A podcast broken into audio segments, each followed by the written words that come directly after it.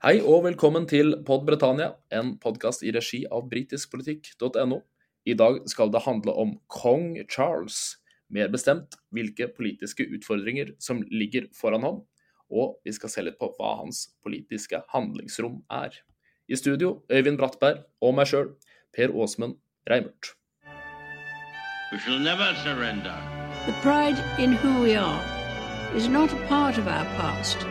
It defines our present and our future. The people of Scotland have spoken. England, Scotland, Wales, Northern Ireland together, taking us forward, unleashing the potential of the whole country. Ja, I tilfelle du har levd under en stein den siste uka, så kan vi informere om at Storbritannia og samveldet har fått en ny monark, kong Charles 3. Det er han denne episoden skal handle om. Men Øyvind, skulle vi først sagt noen ord om dronning Elisabeth? Uh, har vi lov til å si 'for ei dame'? Det tror jeg, det tror jeg bestemt du kan si. Det er jo en um, Det er jo til å få eh, Det er noe som kan gjøre en ydmyk. Det som vi har beskuet de siste to ukene, er det nå blitt, siden dronningens død. og veien mot eh, gravferden og gjennomføringen av selve gravferden. Som statsviter og politisk interessert så kan man tenke at monarkiet det er en, en institusjon som er frakoblet alt dette, og som, det, som, som man kan skrive om i innhold på glanset papir, og, og ellers bare betraktes som en litt ja, en litt sånn evig eksisterende, eh, litt kuriøs eh, seremoniell institusjon utenfor alt det andre. Men så er det jo ikke slik, og det ser man jo ved denne monumentale historiske begivenheten. Idet dronningen har gått bort, så eh, mobiliseres folket, og et, et helt ver man får inntrykk av at et helt verdenspublikum mobiliseres også til å følge det fra sidelinjen. Og det sier oss noe om, om kraften i det som monarkiet representerer, og som i dette tilfellet er litt vanskelig å skille fra kraften i det Elisabeth selv representerer, fordi hun har vært dronning så lenge, og fordi hun har eh, blitt så nært identifisert med hva det britiske monarkiet er, og for noen også hva Storbritannia er, i et litt mer historisk lys, så har hun, hun har båret mye på sine skuldre. Og alt dette kommer fram i lyset samtidig, og det gjør at eh, at denne anledningen oppleves som voldsom i sitt omfang og som et veldig stort historisk øyeblikk, og det er det jo.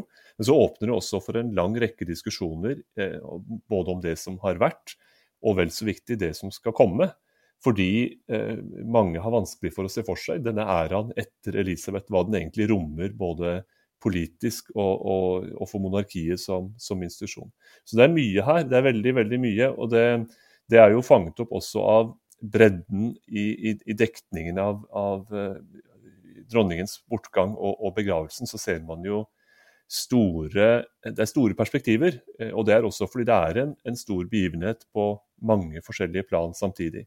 Uh, og det kommer det til å ta, ta tid å fordøye. Uh, og, og, håndtere de forskjellige diskusjonene man nå skal prøve å ta stilling til. Ja, og midt oppi dette så står jo nå kong Charles. Uh, Øyvind, hvis, hvis, du var konge Det er du jo, men hvis du hadde vært på en litt mer bokstavelig måte, slik som Charles, hvilke utfordringer hadde du sett deg ut som dine hovedutfordringer nå? Man kan jo tenke på, på hans eh, personlige livsløp og, og utsyn og, og, slikt. Og da, det første som da slår de fleste av oss, er jo at han har levd eh, så å si hele sitt liv som, som kronprins. Fra, fra, tre års alder og fremover til han nå er 73, så har han vært, vært kronprins, og han har ventet. Og underveis så har han opparbeidet seg erfaringer, men også et, en, en, rolle i offentligheten som ikke på et vis lar seg så direkte oversette til, eller overføre til å være konge. Han har, han har hatt en, en, utålmodighet, på en måte, eller hatt, hatt, et behov for å fylle livet med, med, innhold. Og livet kan fylles med svært mye innhold før man blir, blir 73. Og hele denne veien inn til det å, å overta tronen i så moden alder, eh, det betyr jo også at han må, må, på et vis han må omdefinere seg selv, finne en annen eh, posisjon enn den han har hatt. Ikke bare fordi det er noe annet å være konge, men også fordi han må et, gå et steg tilbake eh, på, på et vis fra, fra det, de litt mer den direkte tonen og den, de direkte politiske holdningene han ofte har hatt, og bli et, seremonielt overhode. Og så skal han bygge den rollen vis-à-vis det britiske folk. Eh, og det er jo ikke noen misunnelsesverdig oppgave, det er ikke det. Eh, og det er en stor forskjell fra det å innta rollen som, som monark mens man er i 20-årene og, og, så å si på vei inn i voksenlivet, og kunne vokse som, som, menneske parallelt med rollen som monark, slik som Elisabeth gjorde det. Så det er det personlige, eh, personlige i det. Og så er det, er det jo store mm, utfordringer som vi jo nå skal snakke om, knyttet til, til hva Storbritannia skal være, hva den britiske unionen skal være, og hva, hva, hva, britene skal mm, ha som rolle i det store internasjonale landskapet. Det høres ut som politiske spørsmål, men det er også spørsmål for eh, monarkiet selv. Ja, for, for hvor, hvor, hvor, knyttet er eh, monarkiet til, til, unionen? Altså, er det en frykt for at uh, hvis monarkiet forvitrer, så kan unionen forvitre med den? Jeg tror du har helt rett. Tror du, treffer et, et, et, vesentlig problem på, på, på, hodet, holdt jeg på å si. Du treffer, treffer spikeren på hodet. Fordi en gang var eh, imperiet en, en, samlende institusjon for de ulike delene av Storbritannia. Ikke minst for Skottlands forhold til, til England, så var det et slags sånn et, et, et, lim som bandt dem sammen, dette globale oppdraget med, med imperiet. Senere så har monarkiet Eh, inntatt en sånn, en sånn, rolle, og spesielt har Elisabeth gjort det. Og det var jo også noe symboltungt i at hun, hun døde på Balmoral eh, i, i, Skottland, og på et vis symboliserte denne, altså disse første dagene etter hennes død symboliserte på mange måter at Skottland og henger jo også sammen med institusjonene og, i London og den store britiske historien. og Det ble markert på den måten. Men alt virker litt vagere og litt tynnere fundert når man ikke lenger snakker om dette gjennom Elisabeth, men gjennom eh, Charles som, eh, som, som hennes arvtaker.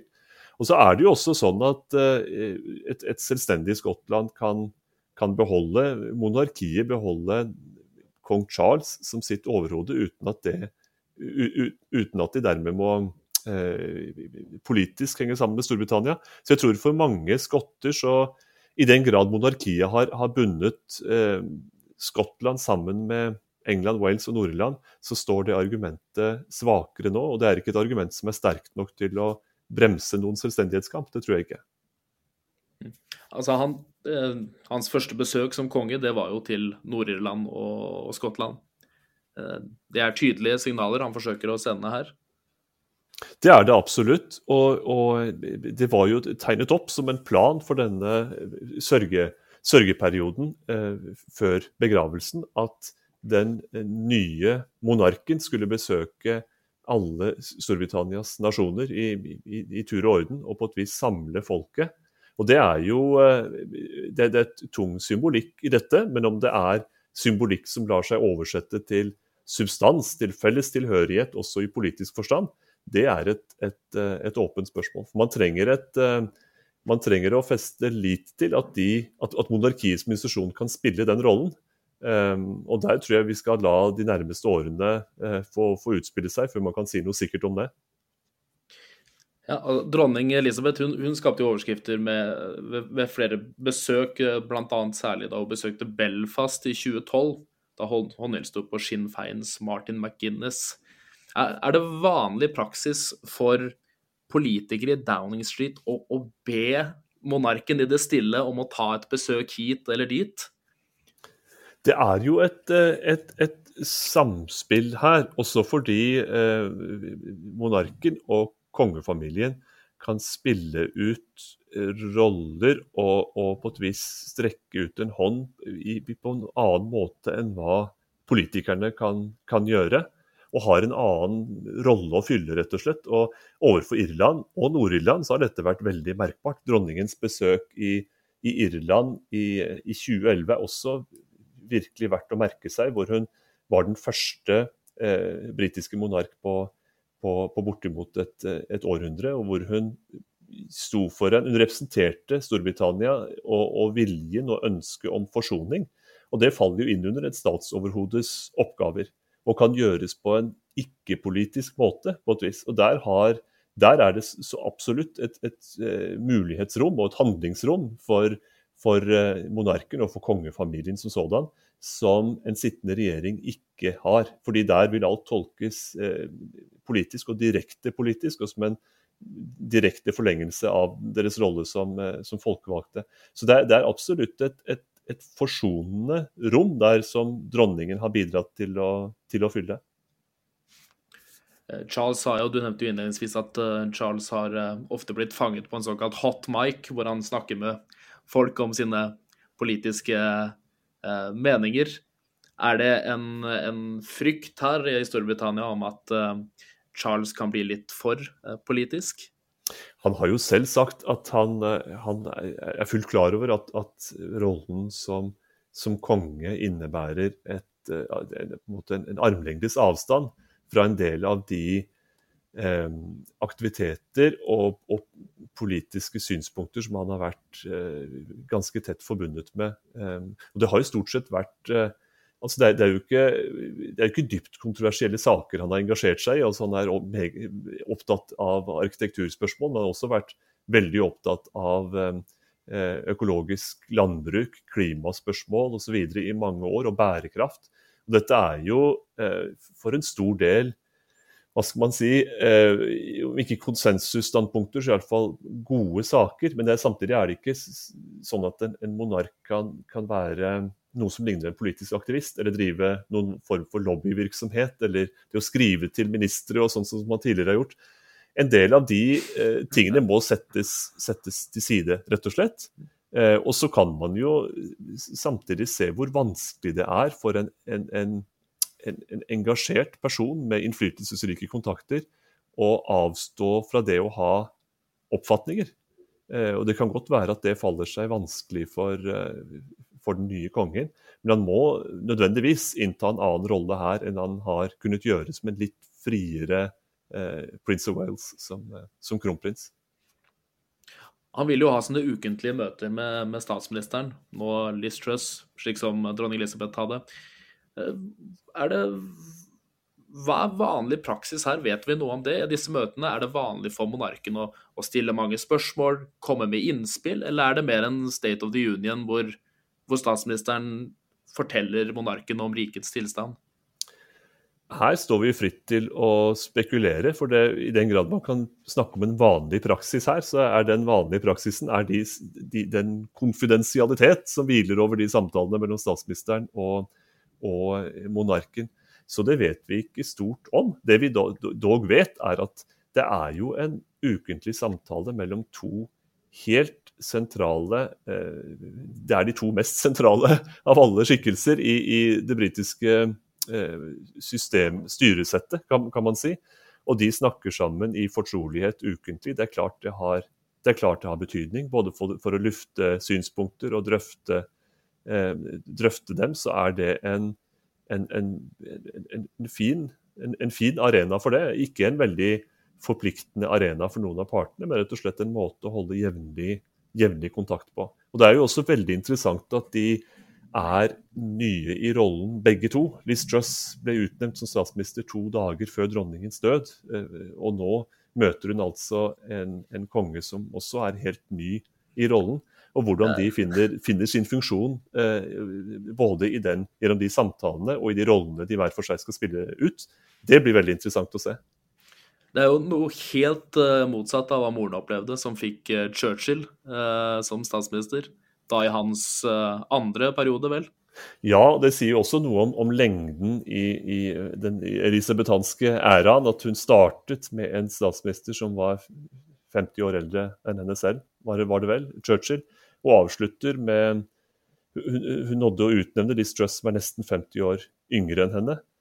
Um, Charles, idet han tiltrer, får jo en ganske hun er en ganske ung eh, politiker fortsatt, eh, Liz Truss, og, og, helt fersk i rollen. Eh, og det er jo forbløffende at de, de begge bekler eh, verv og institusjoner med kolossalt lang forhistorie, og som det hviler en enorm ballast på. og Det er på en måte, det, det, er, et, et, det er, det er noe tungt og institusjonelt de representerer, men så er de samtidig begge to helt ferske i rollen. og, og, og, mennesker som oss andre, og må finne, finne sin plass og funksjon etter beste evne.